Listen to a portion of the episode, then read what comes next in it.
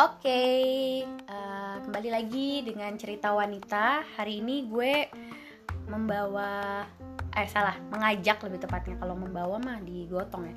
Mengajak adik gue yang, oh ya, yang juga seorang peternak. Jadi kalau adik gue nih dia peternak iya, uh, petani iya, apalagi ya jualan iya jualan apa aja sih? Jualan daging lah jualan bakso lah jualan um, itu tuh sempet jualan oncom lah jualan pokoknya segala macam dijual sama dia. Nah mumpung dia baru balik dari Malang gue pengen ngobrol-ngobrol. Jadi ceritanya dia juga baru bikin podcast. Judulnya uh, cerita peternak? Potret. Oh iya potret. Apa tuh potret? Podcast peternakan podcast peternakan. Kenapa kenapa kamu bikin potret? Karena uh, sebenarnya sih dari it, kan aku sekarang bisnisnya uh, bisnis pakan ternak itu kita bertiga gitu. Nah terus uh, salah satu yang menginisiasi itu ada temanku di situ dia pengen bikin podcast karena kan memang sekarang kan lagi booming nih podcast podcast mm, gitu mm. lagi booming terus uh, dia kepikiran. Sebenarnya udah dari awal tahun 2020 lah ini. Malah kayak kalau salah dari tahun lalu. Cuma memang karena yang apa temanku yang satu itu dia PNS yang satu lagi dia kepala sekolah di apa di satu sekolah swasta. Ya terus aku juga karena aku masih apa ngurusin usaha-usaha terus juga ya jadi waktunya belum ada lah gitu loh. Hmm. nah mumpung sekarang kan lagi WFH terus juga intinya sih karena kalau teman-temanku karena lagi nggak ada banyak kerjaan di luar ya udah jadi kita uh, baru ada kesempatan bikin gitu. Oh. Tapi kenapa bikinnya uh, podcast tentang peternakan? Karena ya itu intinya apa sih bukan intinya yang kita ngerti sih hmm. yang kita ngerti di situ jadi uh, ya udah bikin tadinya sih kalau salah kalau aku sendiri yang bikin misalnya aku nih bikin sendiri podcast tentang aku gitu jadi tentang semua usaha aku masih belum apa ya belum bisa sih kalau ngomong sendiri lah intinya hmm, gitu loh hmm, hmm. tapi aku senang sharing gitu gitu aja hmm. kenapa uh, nah ini menarik nih jadi kamu usaha pakan ternak hmm. kenapa ini uh, terus terang gue kalau nggak punya adik seorang peternak mungkin gue juga gak akan punya teman peternak sih kenapa ngambilnya peternakan gitu kenapa bukan kan kalau dokter kedokteran hewan tuh kan banyak sebenarnya. Tapi kenapa spesifik peternakan? Uh, jadi ya dulu kan uh, mbak Ania juga udah tahu lah dulu aku awal-awal dulu sebelum pernah bikin apa namanya uh, warnet terus pernah juga ternak lele segala macam terus uh, sebenarnya sih sama sih ini sama kayak bisnis yang lain. Jadi nyoba-nyoba aja nyoba-nyoba gitu. Ya ternyata bisnis di peternakan dulu itu 2010 jualan hewan kurban itu dulu 7 ekor pertama terus uh, ternyata laku dan akhirnya malah jadi jual 12 jadi ada permintaan lebih jadi akhirnya terjual total 12 nah dari situ ternyata merasakan enaknya sih gitu loh oh ini enaknya toh gitu. Kalau yang lain tuh sebenarnya juga dapat udah dapat uh, duitnya cuma belum untung gitu. Tapi ketika dapat ya biasa aja rasanya. Nah tapi ketika di waktu itu jualan hewan kurban oh ini kok enak gitu jualan hewan kurban. Ya udah akhirnya dari situ mulai uh, jualan uh, hewan ternak sih. Jadi waktu itu masih domba uh, sekarang kan juga udah mulai ke sapi terus juga ada ayam gitu terus juga ada lele. Nah terus sekarang kita coba uh, beralih ke pakannya. Dulu sebenarnya aku juga belum kepikiran untuk pakan.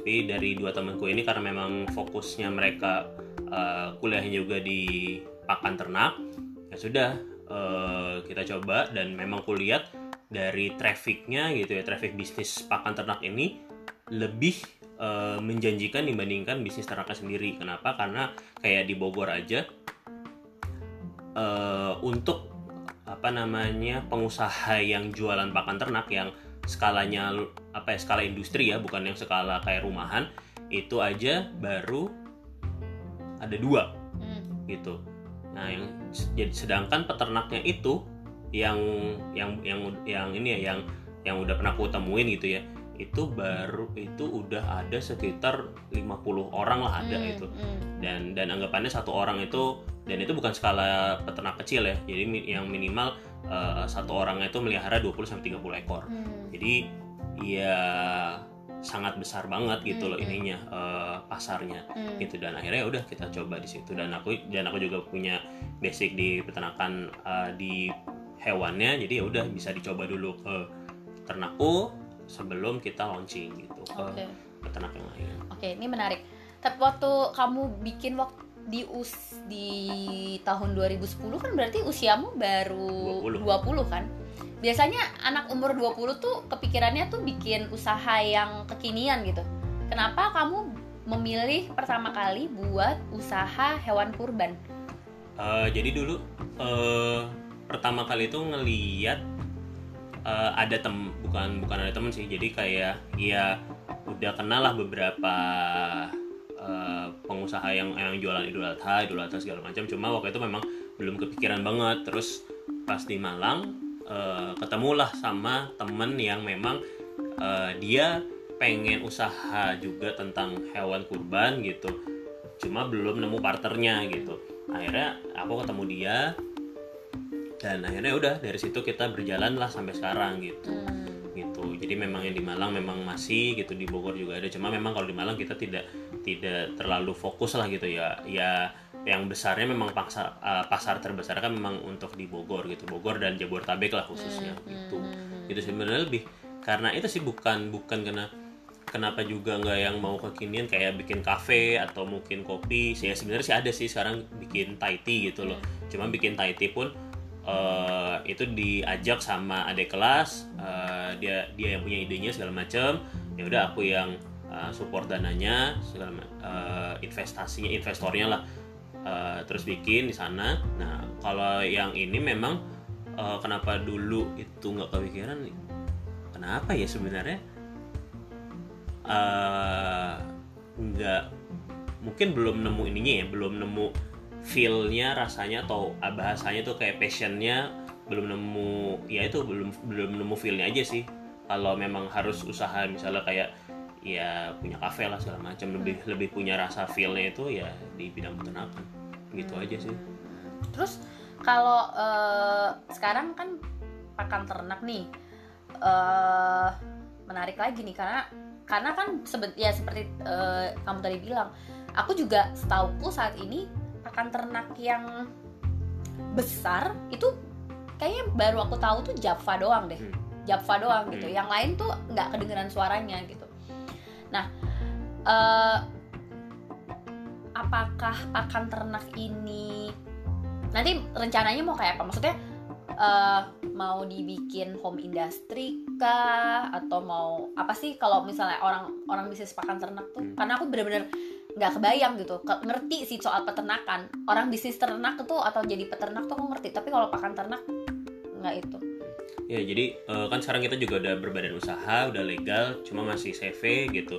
Dan memang ke depannya eh, sekarang kita pabriknya kan masih kerjasama ya dengan pabrik lain gitu. Jadi kita belum punya pabrik sendiri, makanya akhirnya costnya kita tuh agak agak lebih eh, lebih besar. Jadi untungnya pun kita nggak sebanyak orang-orang pada umumnya gitu. Makanya memang kita eh, ke depannya sih rencana tahun 2021 sebenarnya sih pengennya tahun ini cuma karena lagi covid begini akhirnya kita tunda deh 2021 kita ngeliat keadaan uh, untuk kita uh, bikin pabrik sendiri gitu. Pabrik sendiri cuma memang alat-alatnya mungkin baru ada satu lah gitu. Kan memang alatnya kan minimal ada, ada dua gitu. Tapi satu satu alat itu harus ngeluarin 100 juta. Nah itu yang agak berat sih. Jadi ya udahlah mungkin kita cukup satu dulu yang satunya lagi kita nyewa dulu aja gitu. Jadi setidaknya udah terpotong lah kosnya satu nah jadi eh sedang untuk permintaan sih sebenarnya kita udah banyak banget gitu ya. Karena kan memang orang kan sampai saat ini sebenarnya pengen eh, beralih dari pakan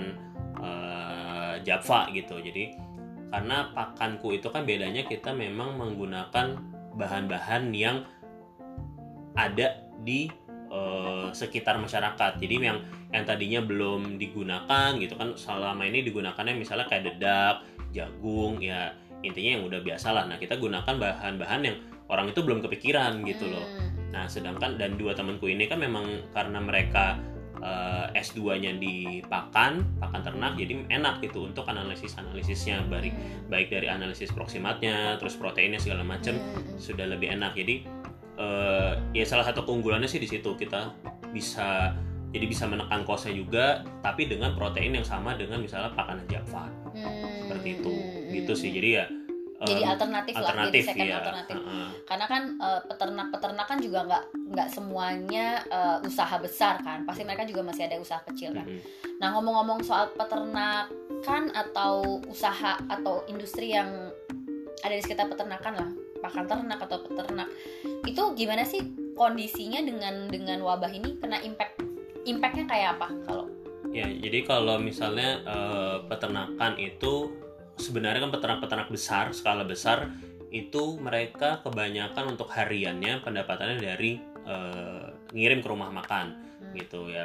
Kalau misalnya domba ngirim ke sate-sate, Hmm. terus kalau misalnya kalau ayam ya misalnya ngirim ke McD, KFC segala macam. Hmm. Nah, ketika pengusaha skala besar ini ya rumah restorannya pun terkena impact ya akhirnya otomatis juga kena impact juga Hmm. gitu. Yang tidak terkena impact itu malah ya skala-skala kecil. Karena kan mereka mikirnya kalau kayak ya cuma melihara 10 ekor, 5 ekor yang penting intinya bisa hidup bisa nyekolahin anak udah cukup gitu loh. Jadi nggak nggak kalau yang skala besar kan perlu dihitung-hitung nih wah ini nanti eh, balik modalnya berapa segala macam gitu. Terus untuk gaji karyawan segala macam nah eh, ya cukup terkena impact sih. Makanya apalagi nanti Idul Adha ini sebenarnya sih Idul Adha ini masih dibingungkan itu apakah nanti boleh motong misalnya kayak di apa namanya di masjid gitu. Hmm, itu yang hmm. dibingungkan. Iya, benar-benar. cuma permintaan tidak terlalu turun gitu. Hmm. tapi yang masih dibingungkan itunya aja sih. Ini nanti apakah yang jadi dari sisi pembelinya pembelinya itu dari konsumennya itu masih masih bingung apakah ini nanti boleh motong di masjid atau atau harus di rumah jaga Ah, gitu. Cuma permintaan sih ada. Gitu aja sih sebenarnya kalau untuk Idul Adha gitu sebenarnya kalau permintaan sih kayak aku ngeliat kemarin ya eh, Idul Fitri gitu ya yang aku pikir eh, kue lebaran atau hampers hampers lebaran tuh akan turun ternyata enggak tuh Hmm. karena kan orang sebenarnya masih butuh hampers kan Hmm. walaupun tidak tidak datang gitu orang nggak datang tapi kan mereka masih ngasih ngasih ke orang lain gitu kan kayak baju Idul Fitri juga nggak turun sih aku ngeliat sih baju Idul Fitri juga juga stabil gitu jadi kayaknya orang masih butuh juga Mm-mm. Gitu. Oke kalau ngomong-ngomong soal peternakan skala kecil tadi kan kalau skala besar kan dia ngirimnya ke hotel restoran kafe gitu kan. Kalau kecil berarti ke mana? Pasar? Kalau gimana? kecil biasanya ya biasanya udah udah ada yang nampung gitu. Jadi misalnya Ah. kayak misalnya kalau misalnya kayak ayam skala kecil tuh berapa sih? 5000 10000 itu itu termasuk kecil gitu. Kalau yang besar kan dia tiga puluh ribu ke atas itu Hmm. udah termasuk lumayan sedang besar lah gitu. Nah yang di bawah itu biasanya memang eh, mereka da- udah ada yang ngambil. Cuma memang nggak enaknya itu mereka harganya ditentukan oleh pasar gitu. Jadi kadang eh, ya istilahnya buruk-buruknya dari bisnis ayam itu harga pagi sama harga sore bisa beda. Karena udah nggak segar bukan nggak segar ya jadi memang kayak ada permainan lah Hah, kok bisa? Eh, bentar. Harga pagi sama harga malam lebih beda. Jadi lebih murah harga pagi atau harga malam? Tergantung. Jadi istilahnya nih kita ada kalau kita bilang apanya ya cukongnya lah gitu. Hah? jadi memang memang ada bandarnya yang dia mainin harga gitu. Jadi iya dia lihat dulu oh ini kayaknya memang lagi eh, banyak permintaan oke lah mungkin bisa dinaikin atau gimana. Terus misalnya lagi sedikit juga mungkin bisa diturunin harganya atau gimana. Jadi ya sebenarnya sih kayak ayam yang kasihan ya iya sebenarnya dua-duanya kasihan sih. Jadi cuma kalau kalau misalnya lagi nggak ada wabah sebenarnya yang peternak besar enak karena nggak eh, harga kan ditentukan oleh restoran gitu enaknya Hmm. udah udah fix gitu nggak mungkin Hmm. turun gitu Hmm. harganya misalnya dua puluh ribu ya udah dua ribu terus nah cuma kalau yang peternak kecil ini ya kadang bisa jadi 18 kadang bisa jadi 20 kadang mungkin 21 gitu jadi kadang ya makanya kasihan juga mereka ya nggak balik modal gitu loh kadang Oh, Apalagi- gitu? Mm-mm. apalagi yang kemarin kan juga banyak tuh akhirnya mereka ngasih-ngasih ke uh, orang-orang ya itu karena uh, harganya dimainin banget sama bandar oh karena oh aku tahu sih itu ada sempat yang kasus yang sampai ada orang ngasih satu truk ayam gitu Hmm. karena memang harganya dimainin sama Iya, bandar heeh, oh ternyata ada bandarnya juga ya iya. jadi di segala bisnis jangan-jangan ada ada mafianya gitu Yang kalau domba belum ada. Untungnya Oh. itu, untungnya domba belum ada. Gitu. mungkin karena komoditas yang lebih kecil kali kalau ayam kan komoditas besar semua semua orang butuh ayam Sebenarnya sih domba juga besar. Kenapa? Karena ada nama akikah. oh. Gitu. Akikah itu apalagi sekarang nih habi- apa habis WFH COVID banyak eh, kehamilan lahiran. tinggi, Hmm. lahiran tinggi gitu. Akhirnya eh, akikah pun juga banyak gitu loh. Hmm. Walaupun memang untungnya akikah itu tidak sebesar kita ngirim ke rumah makan gitu. Hmm. Nah, untungnya dari mana kalau akikah? Akikah itu untungnya dari nasi box Hmm. gitu. Jadi kalau misalnya akikahnya paling hewannya paling 100 ribu atau maksimal 150 ribu lah per ekor. Nah nasi boxnya itu bisa 5 ribu per box dan sedangkan minimal mi- minimal misalnya kan 100 box berarti kan ada sekitar 500 ribu. Nah gedenya dari situ. Oh, gitu. Tapi kalau misalnya eh, apa namanya lagi lagi lagi covid gini, berarti lagi wabah seperti pandemi kayak gini, eh, bisnis me- menjalankan bisnis proses di dalam peternakannya sendiri gimana? Karena kan peternakan itu kan cukup padat karya ya banyak banyak orang apalagi kalau pakan ternak gitu itu pabrik tuh pasti padat karya terus Hmm. gimana dong Nah kalau aku ya memang jujur kalau yang pakan ternak ini eh, ada masih ada sih untungnya masih ada beberapa yang eh, dia peternakannya masih jalan gitu. Hmm. Nah kalau yang peternakan yang nggak jalan ya udah kita tidak eh, nggak supply ke sana. Jadi memang penurunannya ya eh, untuk pakan ternak sendiri itu kita 50% itu jauh banget ya. Hmm. Ya akhirnya mau nggak mau eh, pekerjanya pun akhirnya kita shift gitu loh. Jadi Hmm. gajinya memang tidak 50% full, jadinya. 50% Hmm. gitu loh. Tapi setidaknya mereka dapat gaji gitu. Eh, dan mereka pun juga dapat THR mungkin, Hmm. tapi THR-nya tidak sebesar yang semestinya gitu. Hmm. Tapi setidaknya kita nggak memecat lah karyawan gitu. Hmm. Oh berarti peternakan-peternakan tuh juga banyak yang tutup dong? Eh maksudnya yang yang shutdown sementara karena lagi pandemi kayak Hmm. gini. Kalau kayak gitu gimana pak? Pak- Pak- eh, sorry, gimana ternak-ternaknya tuh? Ternak iya kalau ternak misalnya kayak ayam itu biasanya memang sudah ada yang supply ya iya udah tinggal kita nggak buka dulu udah selesai tutup gitu Tapi nggak maksudnya ternak yang di dalamnya tuh gimana cara maintainnya kan harus tetap harus dirawat, gitu segala macam.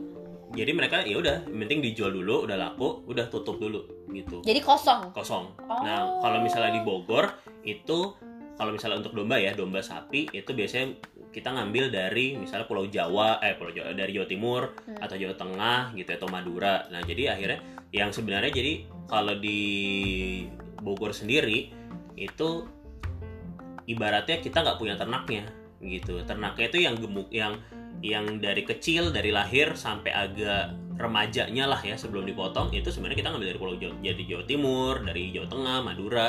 Nah yang udah siap potongnya jadi paling misalnya kalau misalnya kayak ke rumah makan paling tiga hari tiga hari sampai seminggu lah di kandang nah, itu baru kita taruh di Bogor. Jadi ya kita nggak ya udah domba apa dombanya udah udah nggak ada udah selesai gitu. Yang kita tinggal bilang kita nggak ada nggak ini dulu lah nggak nyetok dulu.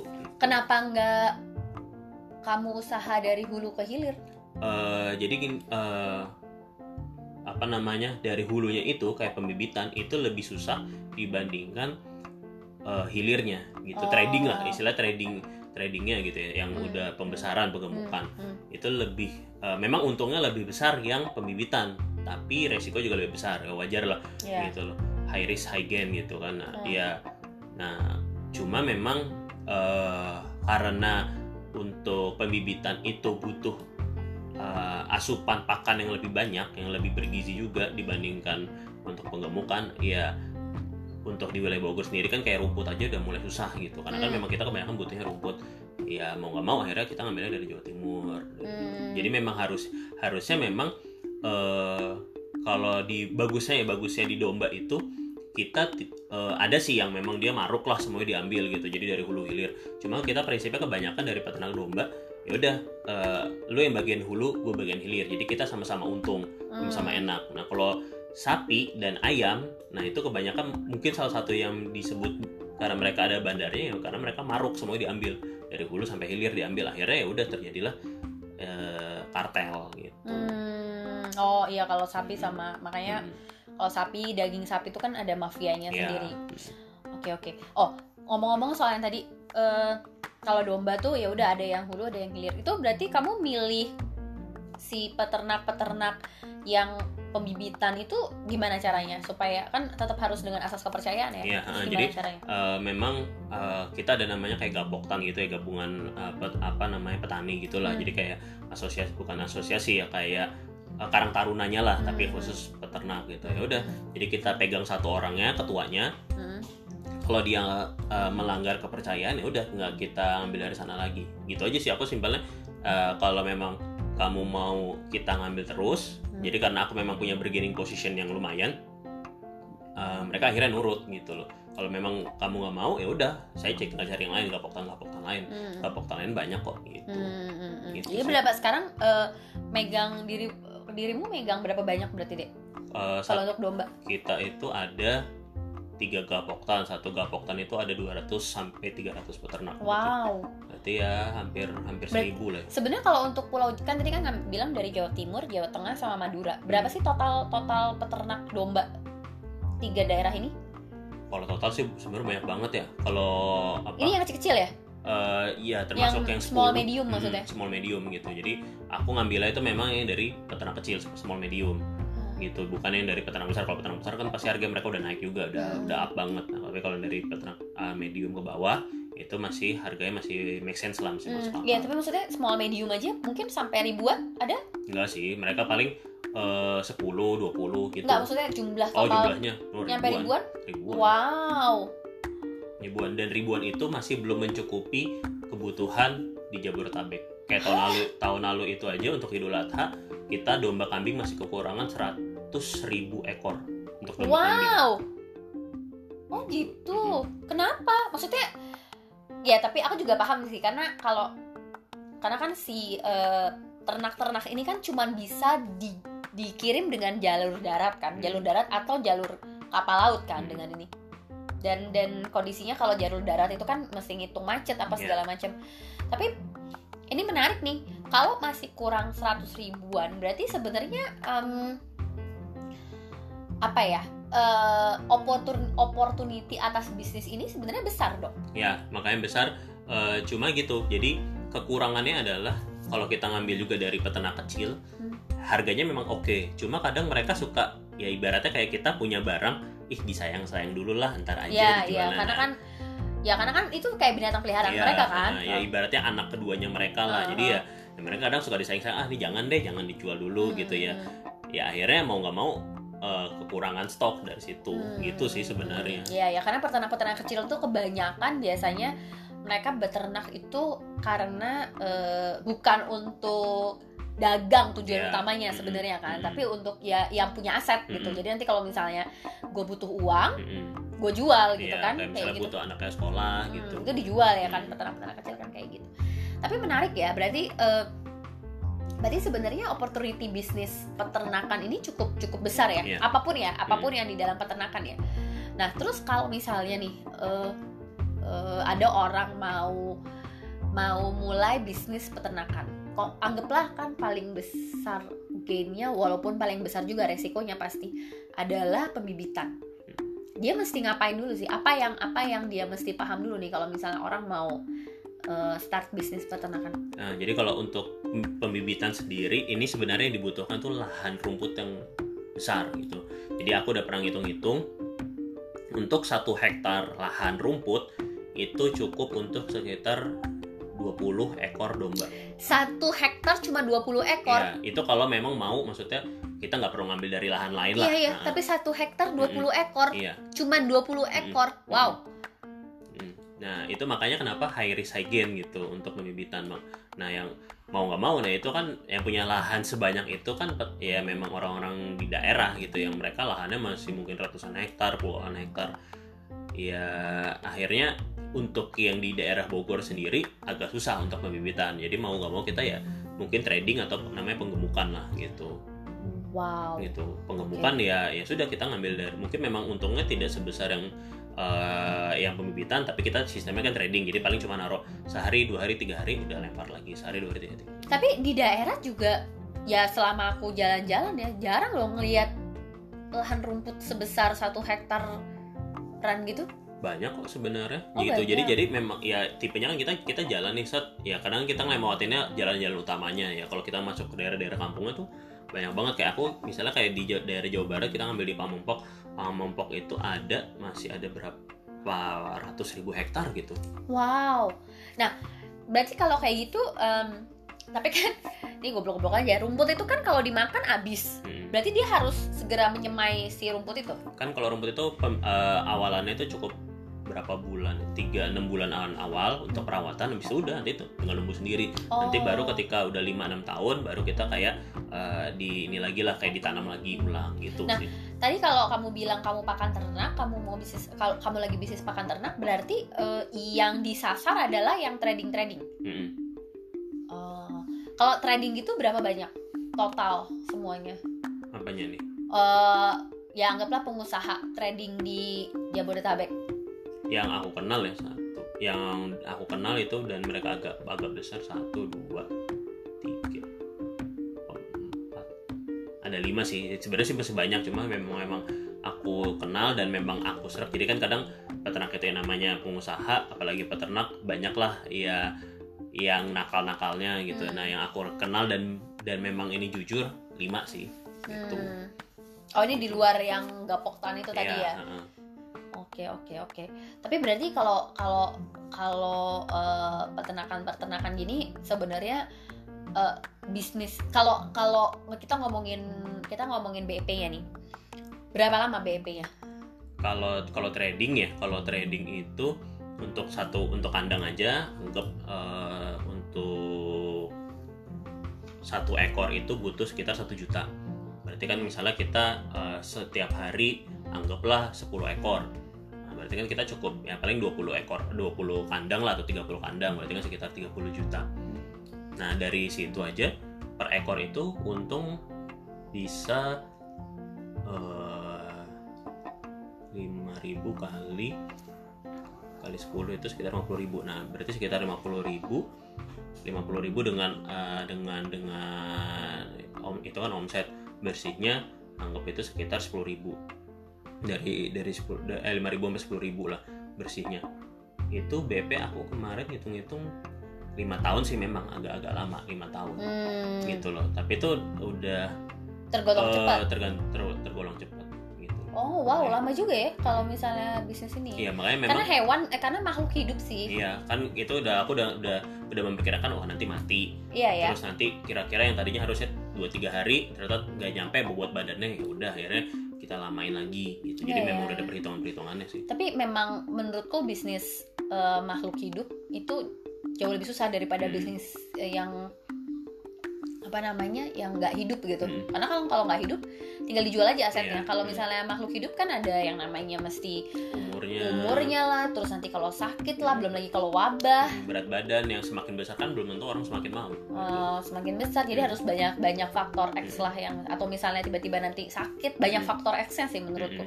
Nah, gimana caranya jaga? Berarti kan eh, orang mesti belajar banyak nih soal peternakan. Tapi apa sih yang dibutuhkan kalau orang mau terjun ke peternakan? Apakah, udah gue pengen terjun nih, ya udah terjun aja gitu? Hmm. Atau butuh ilmu khusus? Atau sebenarnya sih kalau mau istilahnya kalau mau kaya ya di bidang peternakan mau peternakan perikanan pertanian itu sebenarnya butuh modal In- kalau misalnya kayak misalnya kita jualan online itu kan modal paling ya modal ini doang lah modal HP internet selesai tapi kalau untuk eh, namanya peternakan itu nggak bisa modal kecil jadi memang harus modal besar. Jadi kalau saran gue kalau memang eh, modal yang masih kecil jangan deh jangan terjun di peternakan perikanan ataupun pertanian. Oh, pokoknya yang eh, komoditas lah ya, Nah, jangan terjun komoditas Ah, lah. ya. sama kayak kita punya sawit kan nggak mungkin cuma punya lahan lahan satu hektar. Pasti rugi gitu ya. Pasti minimal harus berapa puluh hektar atau berapa ratus hektar. Jadi mau komod dari segi komoditas pertambangan pun juga sama ya kita harus punya modal yang besar gitu loh. Dari modal yang besar baru nanti kalau ilmu sih kita mah pasti sambil berjalan sih semua semua bisnis pasti sambil berjalan pasti ya nemu aja. Dan intinya kan sebenarnya bisnis itu itu aja. Pertama marketing keduanya produksi terus ketiganya paling SDM udah. Hmm. permasalahan di situ aja. Nanti kita marketingnya udah oke eh ternyata kadang eh, pegawainya yang nakal pegawai bagus eh, terus eh, penjualan bagus eh produksinya misalnya dari pakannya kurang pakannya bagus orangnya bagus eh nggak ada marketingnya ya udah Hmm. jadi intinya sih muter aja di situ sih gitu Hmm, hmm. Tapi kalau kamu sendiri, ini kan bisnisnya lumayan bervariasi nih. Hmm. Terus gimana cara eh, mengatur waktunya, mengatur energinya, mengatur otaknya supaya mana dulu yang dipikirin terus gimana tuh? Jadi kalau kalau kalau dulu ya jadi me- mungkin memang dari akhirnya sudah semakin belajar kalau dulu memang aku agak ngoyo jadi oh ini harus untung harus ini harus besar harus uh, pendapatannya sebesar segala macam. Cuma kalau sekarang oh ya udah kita intinya sih kalau aku dari kadar kebahagiaan kita kecukupan kita oh ya udah segini mah cukup aja nggak usah ngoyo gitu loh. Ya, kalau mau ngoyo sih bisa-bisa aja kayak misalnya aku kalau kalau Idul Adha itu aku bisa lah jual tiap tahun itu minimal 800 sampai 1000 ekor bisa. Cuma kalau aku mikir-mikir pasti nanti capek fisik pikiran ya ngapain lah? Aku akhirnya ya beralih eh, gimana caranya biar bisa eh, untungnya mirip-mirip dengan jualan sekitar 800 ekor tapi eh, eh, aku nggak butuh effort yang lebih kayak energi yang lebih. Ya udah akhirnya harganya memang agak aku naikin tapi kualitasnya juga lebih bagus gitu. Jualnya pun dengan jumlah yang sedikit. Akhirnya untungnya pun bisa lebih besar. Ya udah jadi dari semua itu semua bisnisnya aku coba lebih efektif aja sih Hmm. gitu. Jadi nggak perlu pemikiran yang lebih besar dan kalaupun ada masalah intinya paling situ-situ lagi. Jadi oh ini aku udah tahu apa paling begini permasalahan ininya tinggal diselesain gini oh ini juga misalnya bisnis yang satu yang pakan begini masalahnya ah paling itu lagi terus yang bisnis ternak ah paling masalahnya itu lagi tinggal diselesaikan. Jadi dari pengalaman akhirnya bisa dengan sendirinya sih. Hmm, Gitu. Tapi kalau kamu sendiri memilih memutuskan untuk kayak bisnis ternak, bisnis pakan ternak, terus tiba-tiba ada lagi bisnis Thai tea, terus ada lagi tuh kamu kan juga bisnis apa eh, bakso baksoan Hmm. gitu. Itu gimana cara memutuskan? Oke, gue mau bisnis ini, gue mau bisnis ini. Kalau aku sih eh, selain nyoba-nyoba aku ada perhitungannya dulu. Jadi kalau kalau dulu memang aku asal nyoba dulu lah nggak ada perhitungan. Nah, tapi kalau sekarang aku juga ada perhitungan sedikit. Oh nanti BEP-nya segini eh, pasarnya begini segala macam. Jadi memang udah ada eh, pasarnya dulu. Dan aku udah tahu oh kayak aku nih kayaknya kalau bisnis fashion aku nggak bakal bisa deh. Mau itu untungnya nanti 100 juta tapi kayaknya aku nggak bakal bisa nemuin feel-nya nggak bakal Hmm. nggak bakal ya udah pasti ya udah kayak angin lalu aja dapat masuk eh, apa dapat duit masuk udah selesai Oh, gitu. jadi harus suka dulu juga sama Iya, sama kalau- sama bidangnya. Mm-mm, jadi ketika suka kita juga pasti akan jalaninnya dengan lebih nyaman sih gitu Hmm. walaupun ada masalah segala macam Eh, ya jadi kayak fashion itu aku nggak mungkin tadinya tapi juga eh, aku mencoba belajar gitu loh gimana sih biar aku bisa suka nih dengan bisnis fashion Hmm. gitu nah itu tapi aku belum nemu sih formulanya Nah, kayak Thai tea aku juga tadinya nggak terlalu seneng bisnis uh, Food makanan. beverage. Uh, beverage. Karena kan itu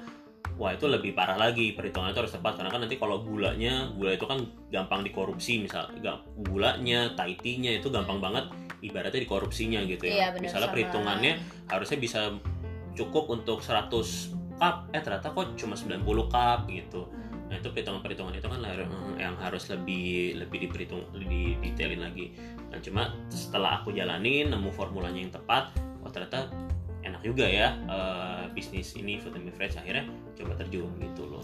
Terus apa yang bikin berani? I mean, eh, ya kan keluarga kita tuh kan nggak ada keluarga pedagang kan. Hmm. Terus apa yang bikin kamu berani jadi pedagang? Sebenarnya sih dari SMA mbak, jadi dari SMA itu aku udah pengen jualan, cuma kan di SMA kita kan nggak boleh Hmm. jualan gitu ya, kita harus belajar dan belajar ya organisasi boleh lah. Ya udah akhirnya ketik jadi ketika aku udah mikirin tuh dari kelas 2 kelas 2 itu sebenarnya udah mikirin pokoknya nanti kuliah harus jualan Hmm. udah mau jualan apa pun lah waktu itu jualannya sampai jualan pulsa jualan fotokopian mata kuliah terus jualan gorengan Hmm. jualan nasi uduk segala macam coba aku jualin dan itu untuk ngelatih eh, sense jualanku Sama marketingku. mental kali ya. Ah, sama mental jadi eh, dari situ oke lah jadi oh begini caranya walaupun mungkin masih kecil-kecilan gitu jadi ya karena itu sih ya aku pengen nggak tahu tiba-tiba aja kepikiran pengen pengen punya usaha selesai gitu jadi memang dari dari dulu sampai sekarang ya mungkin kalau eh, jadi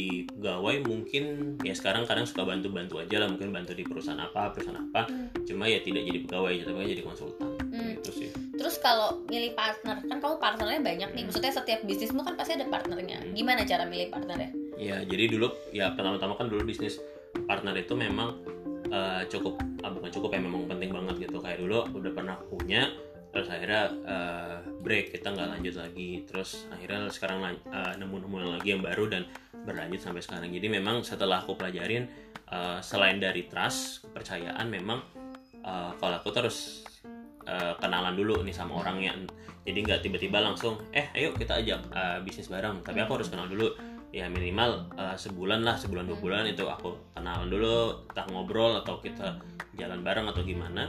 Oh udah tahu nih oh, orang kayak gini gitu. Karena memang kita basicnya aku udah sering ketemu sama orang terus punya karyawan jadi aku uh, lumayan cukup tahu lah oh orang itu ternyata sifatnya begini gitu. Nah terus misalnya kalau kadang suka ditanya terus uh, apa aja sih yang dibutuhkan gitu yang dari partner gitu. Iya itu kita yang nentuin sendiri gitu loh. Hmm. kayak aku misalnya aku kuat uh, aku cukup kuat di marketingnya gitu. Nah berarti kan harus nyari yang kuat di produksi dan kuat di uh, SDM-nya gitu. Terus misalnya nanti kalau misalnya di bisnis yang ini oh ternyata aku kuat di produksi ya berarti harus nyari yang jago marketing sama SDM udah sih intinya gitu gitu aja. Nah, ngomong-ngomong soal kenalan sama sama calon partner, apa yang kamu gali ketika kamu kenalan sebulan dua bulan itu? ya kalau aku sih gini karena kan memang ya tadi aku bilang jadi eh, setiap orang itu pasti punya eh, apa ya namanya kriterianya lah kriterianya sendiri sendiri jadi aku nggak bisa eh, mutusin oh dia harus kriteria partner itu harus A B C enggak. Cuma kalau kalau kayak aku sendiri selain jadi aku ngeliat dulu oh eh, aku butuhnya yang eh, dia jago marketing misalnya atau misalnya dia jago produksi selain mutusin itu yang kedua ya memang eh, kita sama-sama memang udah eh, niat ini kita bisnis jalanin bareng-bareng rugi kita nikmatin bareng-bareng eh, untung kita juga nikmatin bareng-bareng.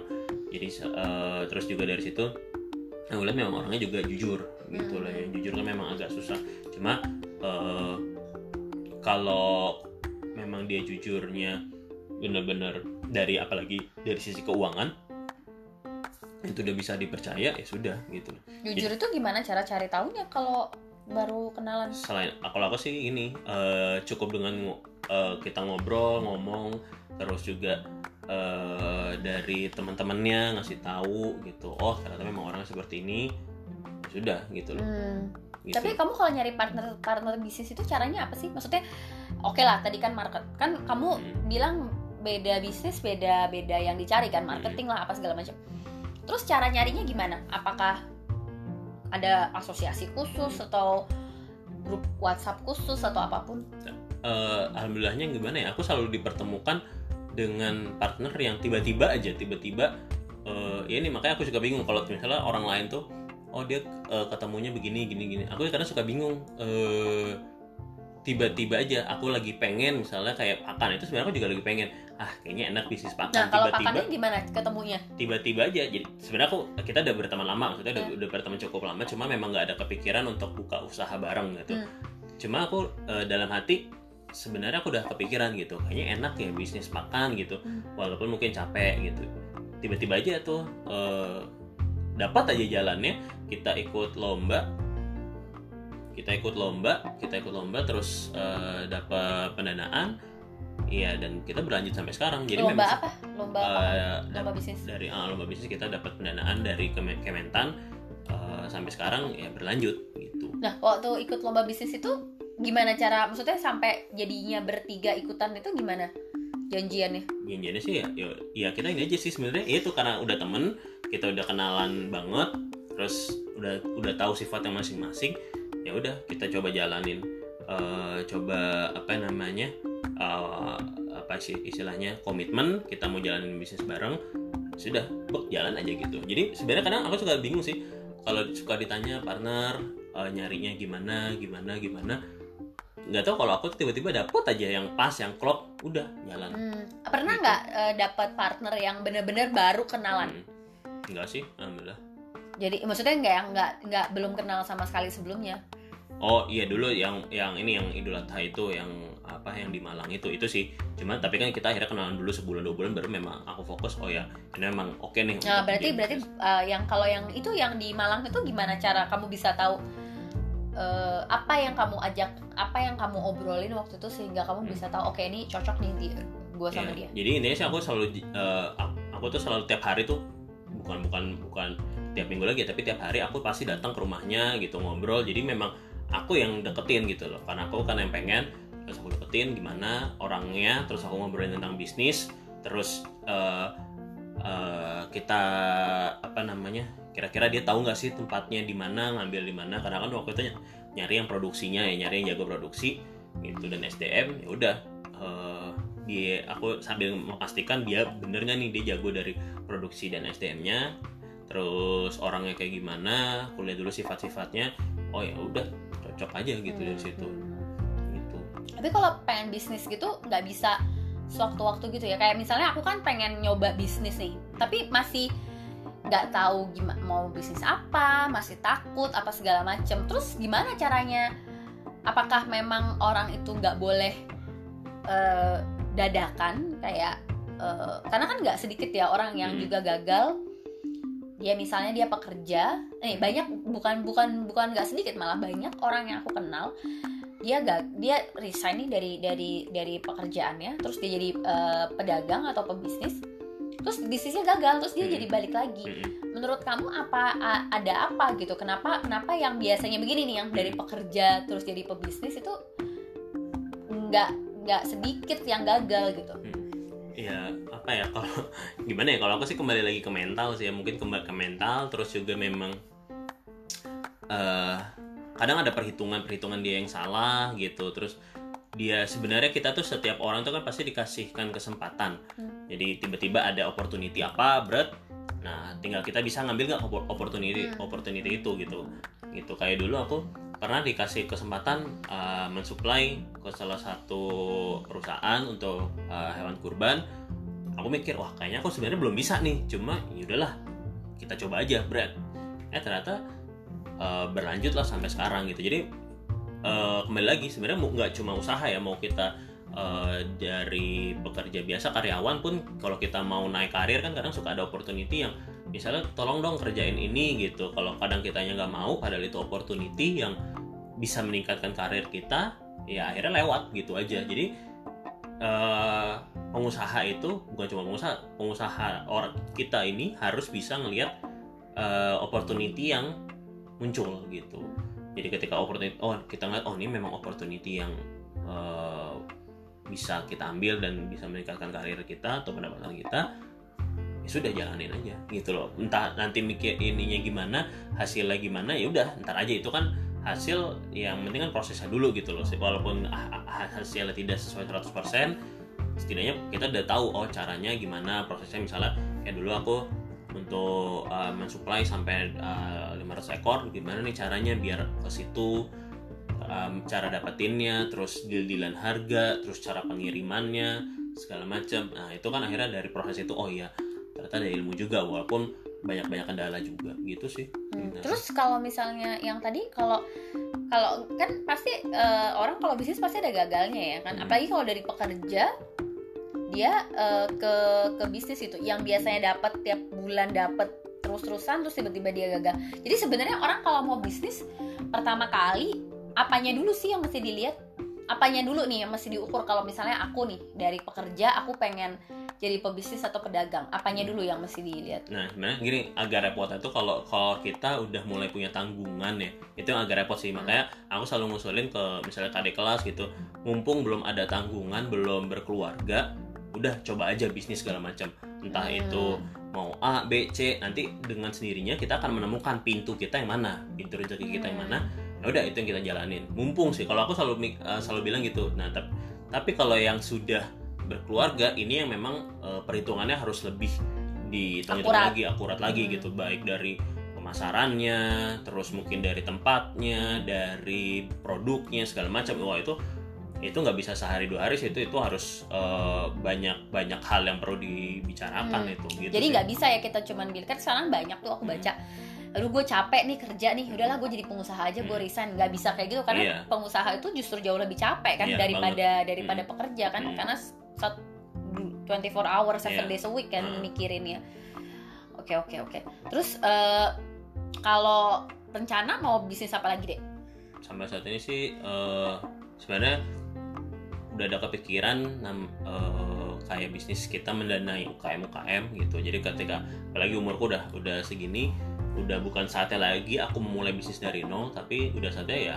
aku jadi investor gitu loh jadi Hmm. aku udah kepikiran sih sebenarnya mau bisnis eh, kita jadi investor buat UKM UKM Hmm. yang memang membutuhkan jadi minimal yang pengusaha mikro lah yang Hmm. dia uh, paling butuh modal 20 maksimal 30 juta lah gitu. berarti kalau bisa nggak kayak gini menarik nih berarti kalau aku pengen jadi pengusaha boleh nggak sih aku mulai start dari jadi investor dulu Bisa aja, nggak masalah. Jadi memang sebenarnya kadang makanya kadang aku suka uh, ngasih apa ya ngasih suggest juga ke teman-temanku.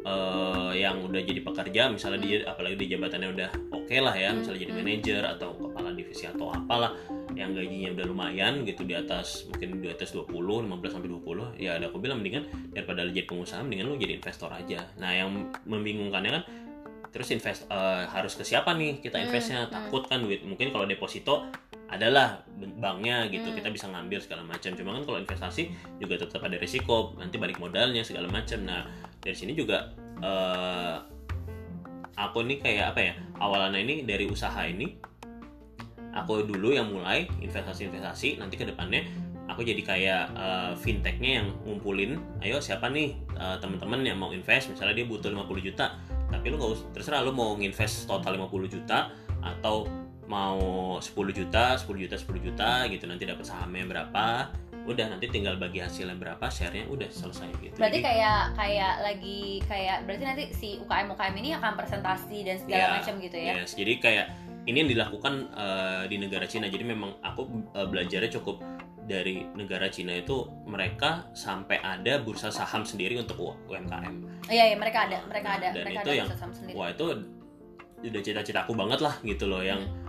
kalau bisa nih kita aku nanti punya kantor yang tiap hari nggak usah tiap hari lah mungkin seminggu dua kali atau seminggu tiga kali ini saatnya UKM UKM untuk presentasi untuk mencari investor-investor gitu sih Tapi beda dong ya sama Iya, P2P lending ya uh-uh, kan. iya. Karena kalau P2P lending kan eh, bukan P2P lending. Iya P2P lending ya kan Hmm. yang Mm-mm. yang fintech terus masukin Iya, dana terus uh-uh. dia dia sharing ini beda Iya, kan beda sama beda itu. jadi memang ini eh, ya aku juga lagi belajar tentang eh, apa namanya keuangan syariah gimana sih caranya biar kita sama-sama enak gitu loh yang investornya enak yang ini juga enak kan kebanyakan sampai saat ini P2P itu lebih kayak secara kasarnya dia mencoba merebut bisnisnya orang lain juga gitu loh Hmm. jadi jahatnya ya jahatnya yang kadang-kadang itu mereka ya berusaha untuk merebut juga bisnis yang lain itu bukan bukan niatnya untuk membantu untuk membesarkan usaha orang itu Hmm. tapi juga secara nggak langsung pengen merebut. Nah ini benar-benar kita pure membantu UMKM biar dia bi- bisa growth gitu lebih besar.